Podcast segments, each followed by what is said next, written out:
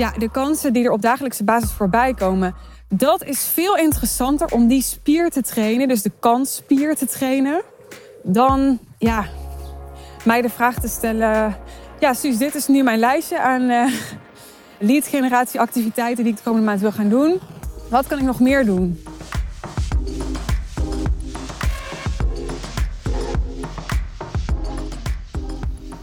Ja, ik denk dus dat we te weinig verkopen met z'n allen. De meeste ondernemers verkopen te weinig.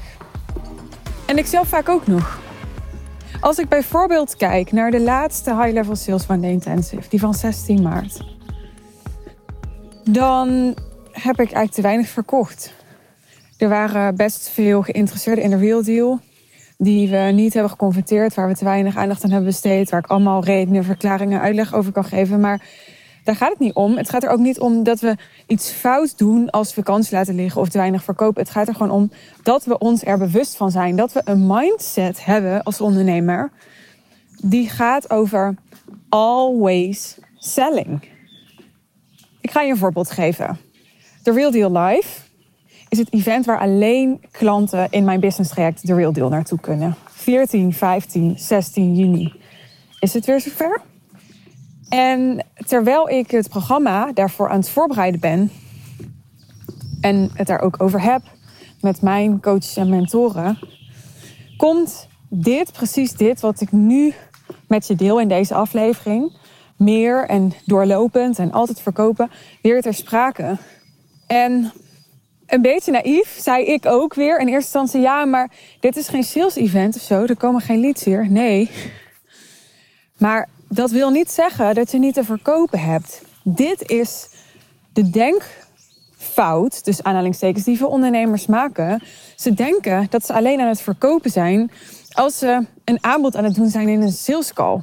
Of als ze een call to action aan het schrijven zijn, misschien onderaan een post om iets te verkopen. Maar het echte verkopen, dat gebeurt zoveel meer nog tussen de regels door dat gebeurt zoveel meer nog op de momenten dat je misschien niet bewust aan het verkopen bent of je niet voelt alsof je aan het verkopen bent. Kijk, wij maken de Real Deal Live ook als een event waarop we verkopen. Op meerdere manieren verkopen. Juist aan klanten die al gekozen hebben voor de Real Deal. Die ons al betalen. Die zich al gecommitteerd hebben. Juist voor hen vinden we het belangrijk dat zij verkocht zijn en blijven op hun verlangen en de resultaten waarvoor ze in de Real Deal hebben geïnvesteerd. Dat is iets waar wij ze, zo zie ik dat echt, keer op keer op moeten verkopen.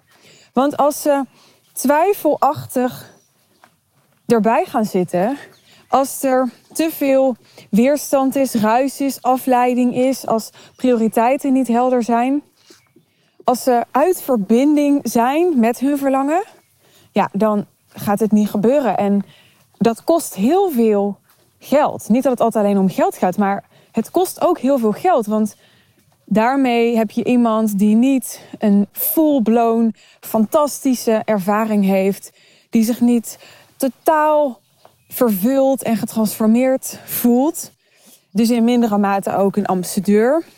In mindere mate ook een succesverhaal. En juist in, in de succesverhalen, in de transformaties, de resultaten en ambassadeurs, daar zit het succes, het bestaansrecht van je bedrijf, maar ook de moeiteloosheid, de easiness. als gewoon de succesverhalen die zich als vanzelf verspreiden, er twee keer zoveel zouden zijn als dat ze er momenteel zijn in je business, kun je er ook op rekenen dat het twee keer zo makkelijk gaat om je business met een gevoel van moeiteloosheid en vanuit flow te laten groeien, organisch. Nou, naast de resultaten, de ambassadeurs, de transformaties, denk ik ook aan mensen die nu in de laatste drie, twee, één maanden of maand zitten van het traject. En die mogelijkerwijs gaan verlengen en waarvan ik weet dat hun ervaring tijdens de Real Deal Live heel bepalend zal zijn. Er zijn altijd mensen die al hebben besloten, om wat voor dan ook, van ik ga niet verder. Zo'n besluit kan dan alsnog kantelen door een event. Dus het is belangrijk daar altijd open voor te staan. En er zijn ook altijd mensen die al voor zo'n event hebben besloten... ja, natuurlijk ga ik verder en natuurlijk wil ik nog een jaar in de Real Deal zitten.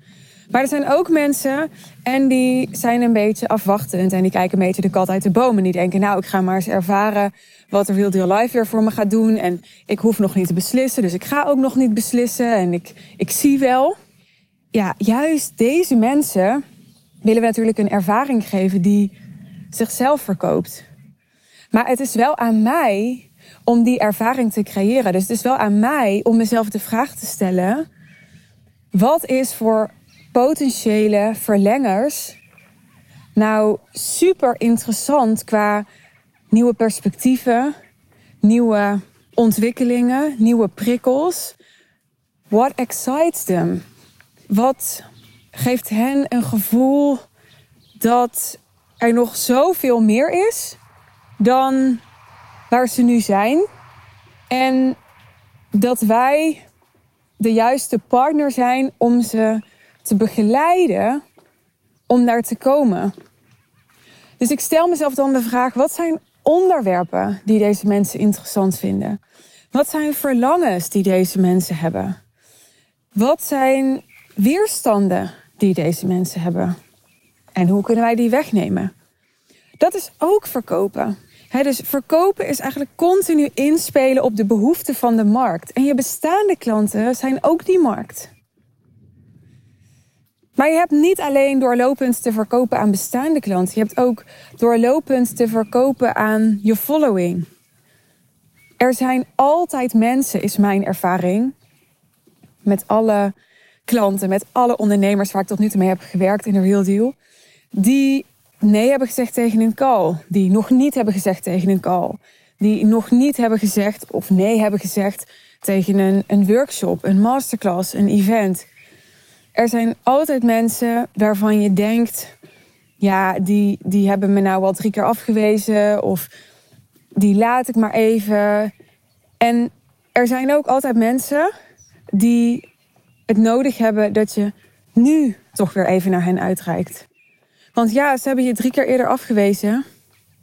Maar wat super essentieel is, als jij je wil richten op high-end klanten met, met wie de match heel goed is, is dat de klanten die ja tegen jou zeggen ook echt in de juiste fase zijn om jouw waarde te verzilveren.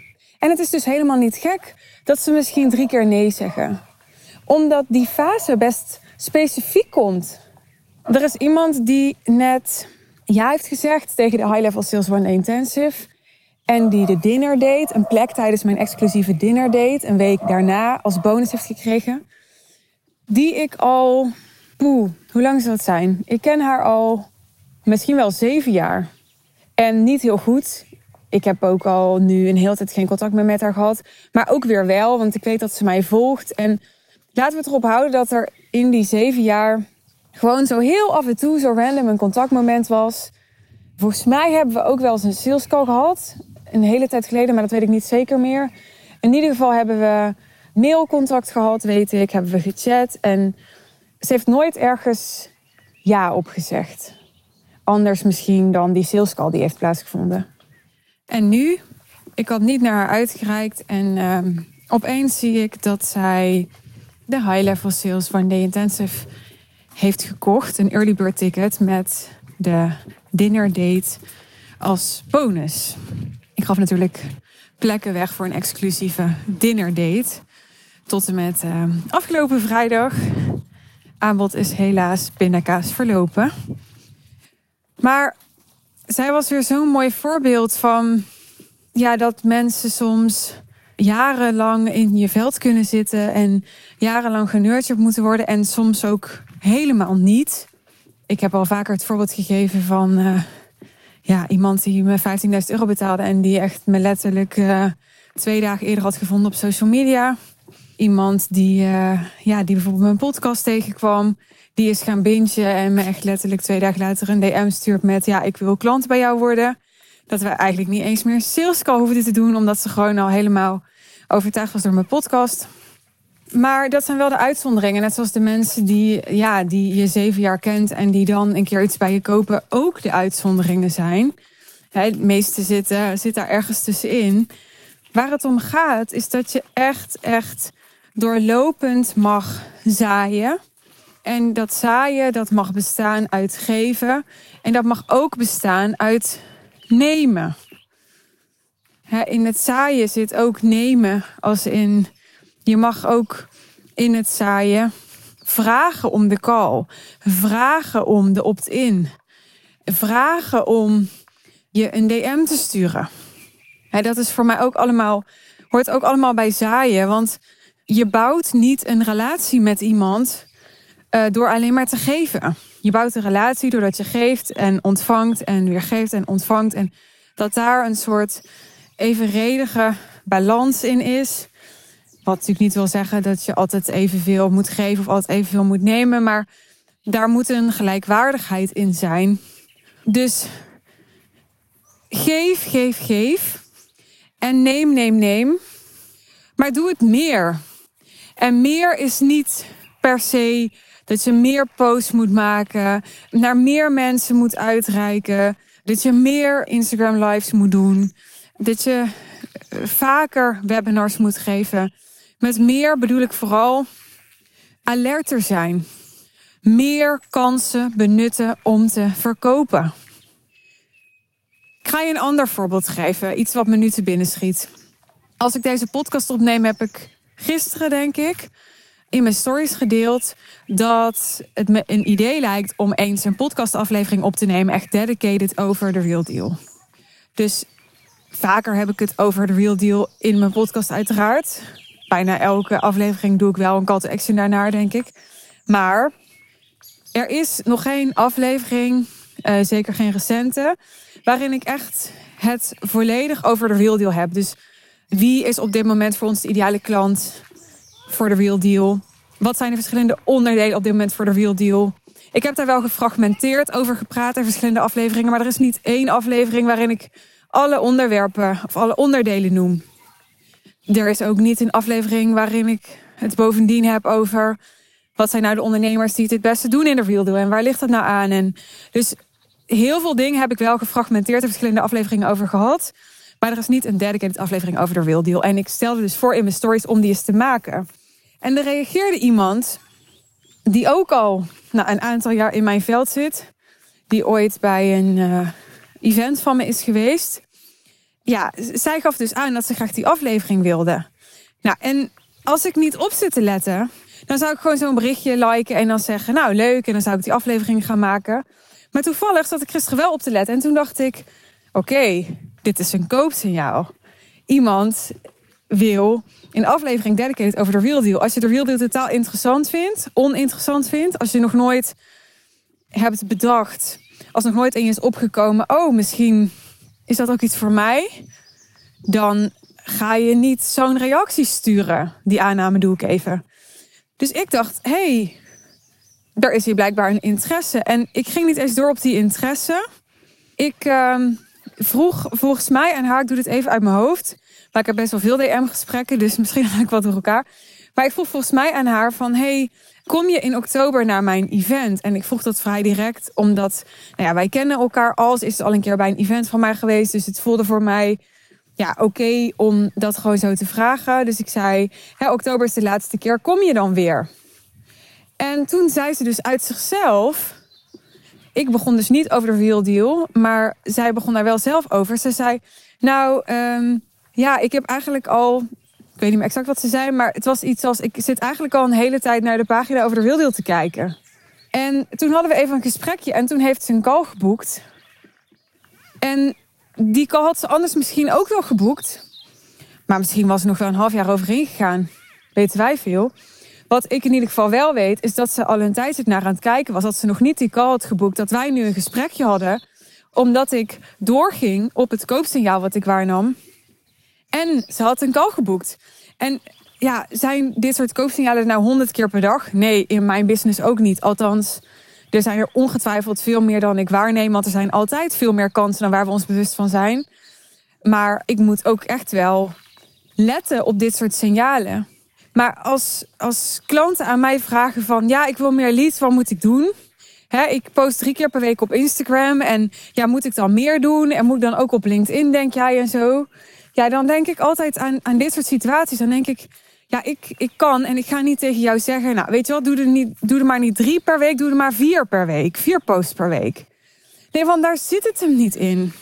Het zit hem erin in benut je de kansen die er zijn en creëer je voldoende kansen. Dus ja, natuurlijk, als het jou lukt om doorlopend drie keer per week wat te posten, een video of een post of wat dan ook, dan ga je meer kansen creëren. Want meer mensen gaan iets van jou zien. De mensen die jou volgen, die gaan jou meer on top of mind hebben. En dat gaat iets doen. dus mensen gaan vanuit die content misschien een keer een masterclass van je volgen of naar een event van je. Of ze gaan je podcast luisteren. Nou, doordat ze je podcast luisteren, gaan ze je beter leren kennen. Doordat ze je beter leren kennen, vinden ze het interessant om je een keer een vraag te sturen in een DM. En zo gebeurt er wat. Maar gebeurt dit, hè? wordt deze, deze cycle op gang gebracht omdat jij van drie naar vier posts per week op Instagram gaat? Nee, niet per se. Maar doe je helemaal niks, dan gaat er ook niks gebeuren. Dus waar het om gaat, is dat datgene wat je doet, en het maakt mij niet zo heel veel uit of dat jij nou drie e-mails per week verstuurt of drie posts per week. Of dat je helemaal geen post maakt, maar je bijt je helemaal vast in hele goede stories maken bijvoorbeeld. Of je zit helemaal niet op Instagram. Ik heb ook klanten die zitten helemaal niet op Instagram. Maar je zorgt dat je, dat je veel energie steekt in jouw referral network. Dus jouw, ja, jouw ambassadeurs. En dat je die voedt en dat je die regelmatig iets geeft. En dat je daar de relatie mee onderhoudt. Dat kan ook een strategie zijn. Het gaat mij er maar om dat je je committeert aan zo'n strategie. Dat je erin vastbijt. Dat je zorgt dat je er beter en beter in wordt. Dus dat je beter wordt in relaties bouwen. Dat je beter wordt in copywriting. Als jouw strategie is om e-mails te versturen aan je lijst. Dat je beter wordt in verhalen maken. Als jouw strategie is om meer en beter bereik te krijgen met je stories. Dat jouw strategie wordt om heel goed converterende webinars te maken. Daar kan je ook heel veel over leren. Kijk, ik heb uh, een, een heel seizoen gratis masterclasses gegeven in 2020. Ik denk dat ik er nou, zo'n 30 heb gedaan in een zomer. Dus dan deed ik er twee of drie per week. Geen idee of dit klopt qua aantallen, maar whatever. En ik probeerde dat steeds te optimaliseren. En ik heb nou ja, verschillende titels gekozen. Ik heb verschillende call to actions gedaan. Verschillende groepsgroottes. Allemaal mee geëxperimenteerd. En toen concludeerde ik, ja, dit is gewoon niet helemaal mijn ding. Soms merk je dat dingen stromen, soms merk je dat dingen niet stromen. Nou, ik merkte dat bij mij ging dat niet stromen. Als ik daar nog drie, zes, misschien negen maanden in had geïnvesteerd, was het misschien op een gegeven moment wel gaan stromen. Maar ik heb toen besloten: oké, ik heb dit serieus geprobeerd. Maar ik ga hier niet meer mijn commitment aan geven. Juist omdat ik het serieus geprobeerd heb en dus ook nu serieus kan concluderen dat dit niet bij mij past. Nou, hetzelfde heb ik gedaan, of niet hetzelfde, maar vervolgens ging ik in 2021 mijn podcast starten.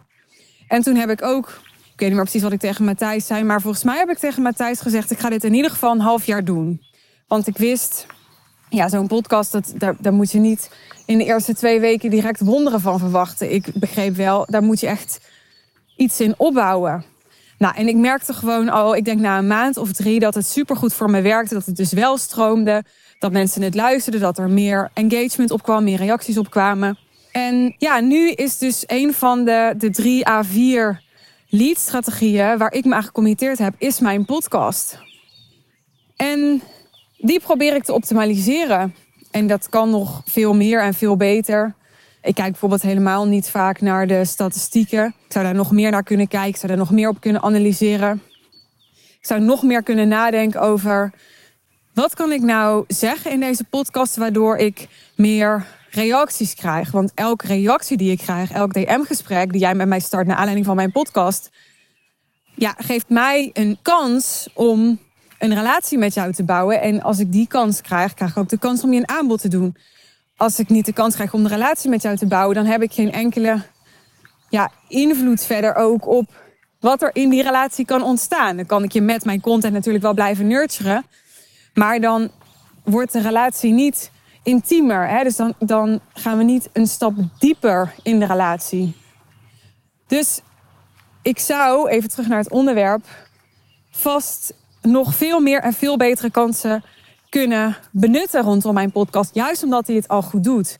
Nou, hetzelfde geldt voor mijn event, waar de afgelopen anderhalf jaar eh, best wat klanten uitgekomen zijn. Hetzelfde geldt voor mijn Instagram. Ik ga binnenkort met een Instagram-expert samenwerken. Ga ik dat optimaliseren. Waar het mij om gaat is, ga meer verkopen.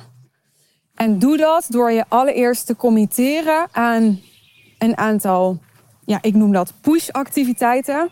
Dus dingen die je de wereld in slingert aan een groter publiek. En een aantal poolactiviteiten. Nou, dat is bijvoorbeeld zo'n DM-gesprek als dat ik dus gisteren had met iemand die op mijn stories reageert. Dus ik maak eerst stories, dat is push.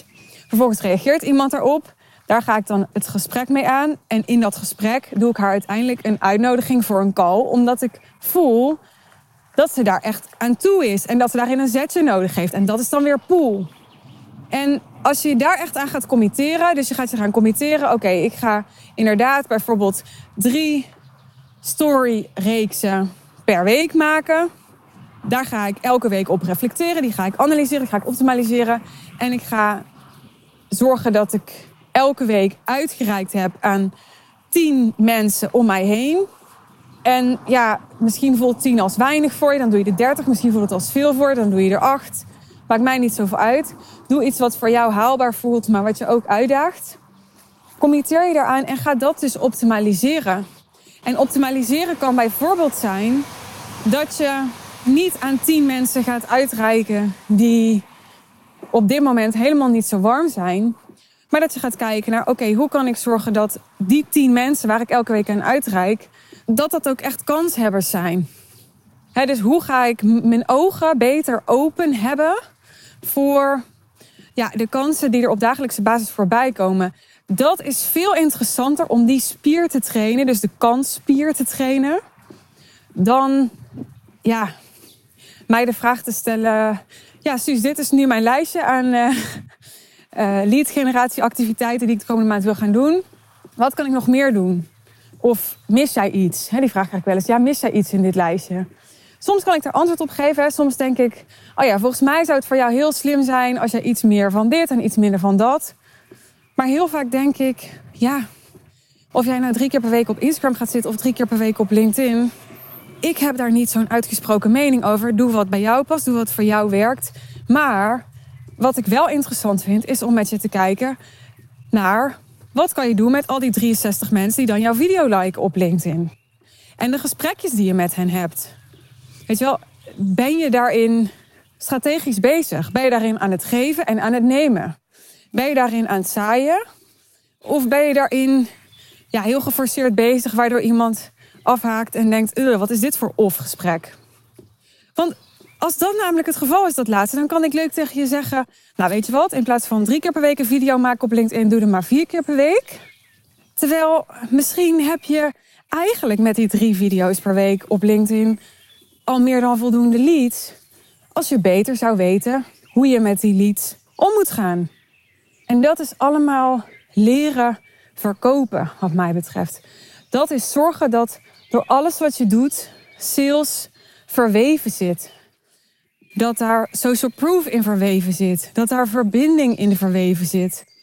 Dat daar empathie in verweven zit. Dat daar erkenning in verweven zit dus empathie voor je ideale klant, erkenning voor je ideale klant, verbinding met je ideale klant. Dat daar ook moed in verweven zit. En nou, daar heb ik ook een mooi voorbeeld van. Ik had gisteren, ik denk dat het gisteren is als ik dit opneem, een gesprek met een klant in de Real die bijna klaar is. Die tegen mij zei, ja Suus, ik ga niet verlengen. Nou ja, vond ik gewoon best wel mooi kut. en nou, wij hadden opgehangen en ik had het even zo laten sudderen. En toen dacht ik, ja, fuck. Ik dacht, ja, ik wil gewoon heel graag dat ze wel gaat verlengen. Ja, het is gewoon zo. En toen dacht ik, maar ik snap ook best wel de redenen waarom ze dat nu niet zou willen. Ik snap dat. Soms snap ik het niet en soms snap ik het wel en dan denk ik, maar volgens mij zou het heel goed zijn als jij hier doorheen zou gaan of je overheen zou zetten. Maar in dit geval dacht ik, nee, ik was denk ik, als ik in haar schoenen stond, tot dezelfde conclusie gekomen. En toen ging ik dus ook denken, oké, en als ik dan inderdaad in haar schoenen tot dezelfde conclusie was gekomen, wat had ik dan wel gewild? Wat had dan wel gekund? En toen heb ik een spraakbericht gemaakt. Toen heb ik gezegd, ik was helemaal onthecht. Want weet je, nee had ik al. Ik had niks meer te verliezen. Toen heb ik ingesproken, weet je, ik snap het. En ik zou het heel leuk vinden om met je verder te gaan. En ik denk ook dat ik echt ook daarin van toegevoegde waarde kan zijn voor je. Dit waren niet mijn letterlijke woorden, maar daar kwam het een beetje op neer. Dus dit en dit en dit is mijn idee.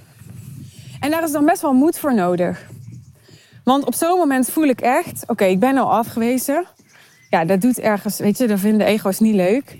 En dan denk ik, ja, en nu loop ik het risico om nog een keer afgewezen te worden. En dan denk ik altijd aan die één ondernemer. Ik weet niet zijn naam. Maar het is een voorbeeld wat ik al vaker gebruikt heb, ook op mijn event. Er is een Amerikaanse ondernemer en die heeft een, een mapje in zijn mailbox. Een nee-mapje. Waar die afwijzingen in verzamelt. En die heeft dus targets op een aantal afwijzingen die hij elke week of elke maand moet verzamelen van zichzelf. Want hij weet, als ik onvoldoende afwijzingen heb gekregen, heb ik onvoldoende mijn nek uitgestoken. En daar denk ik dan weer aan. Dan denk ik, we moeten meer verkopen. En daar hoort ook bij dat als ik een nee krijg en ik voel, maar hier ligt echt een gemiste kans, dat ik dat dan eerlijk zeg. En dat ik dan alsnog besluit om zonder pushy te zijn, zonder dat ik die klant nodig heb, dus dat ik vanuit een energie van neediness kom, toch weer ga verkopen.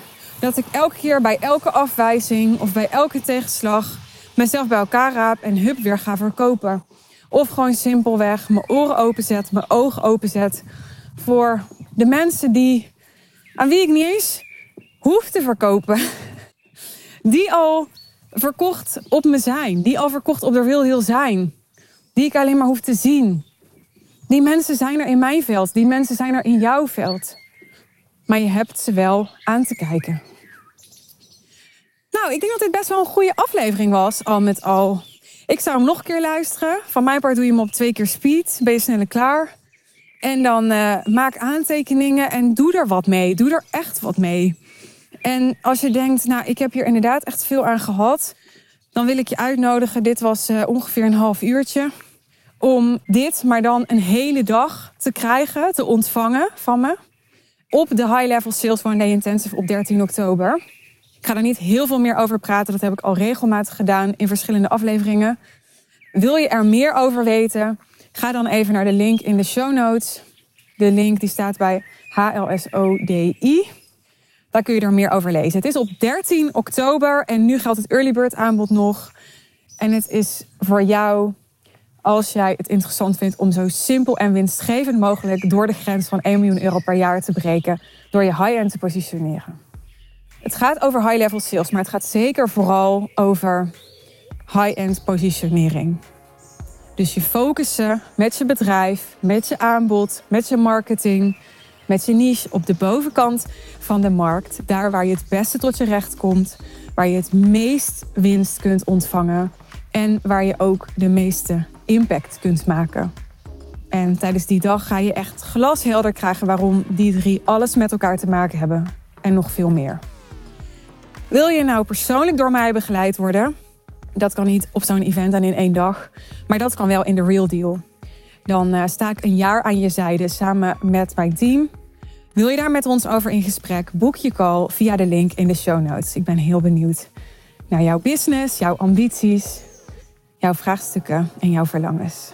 Heel graag tot de volgende podcast. En fijne dag, fijne avond, fijne nacht. Bye bye.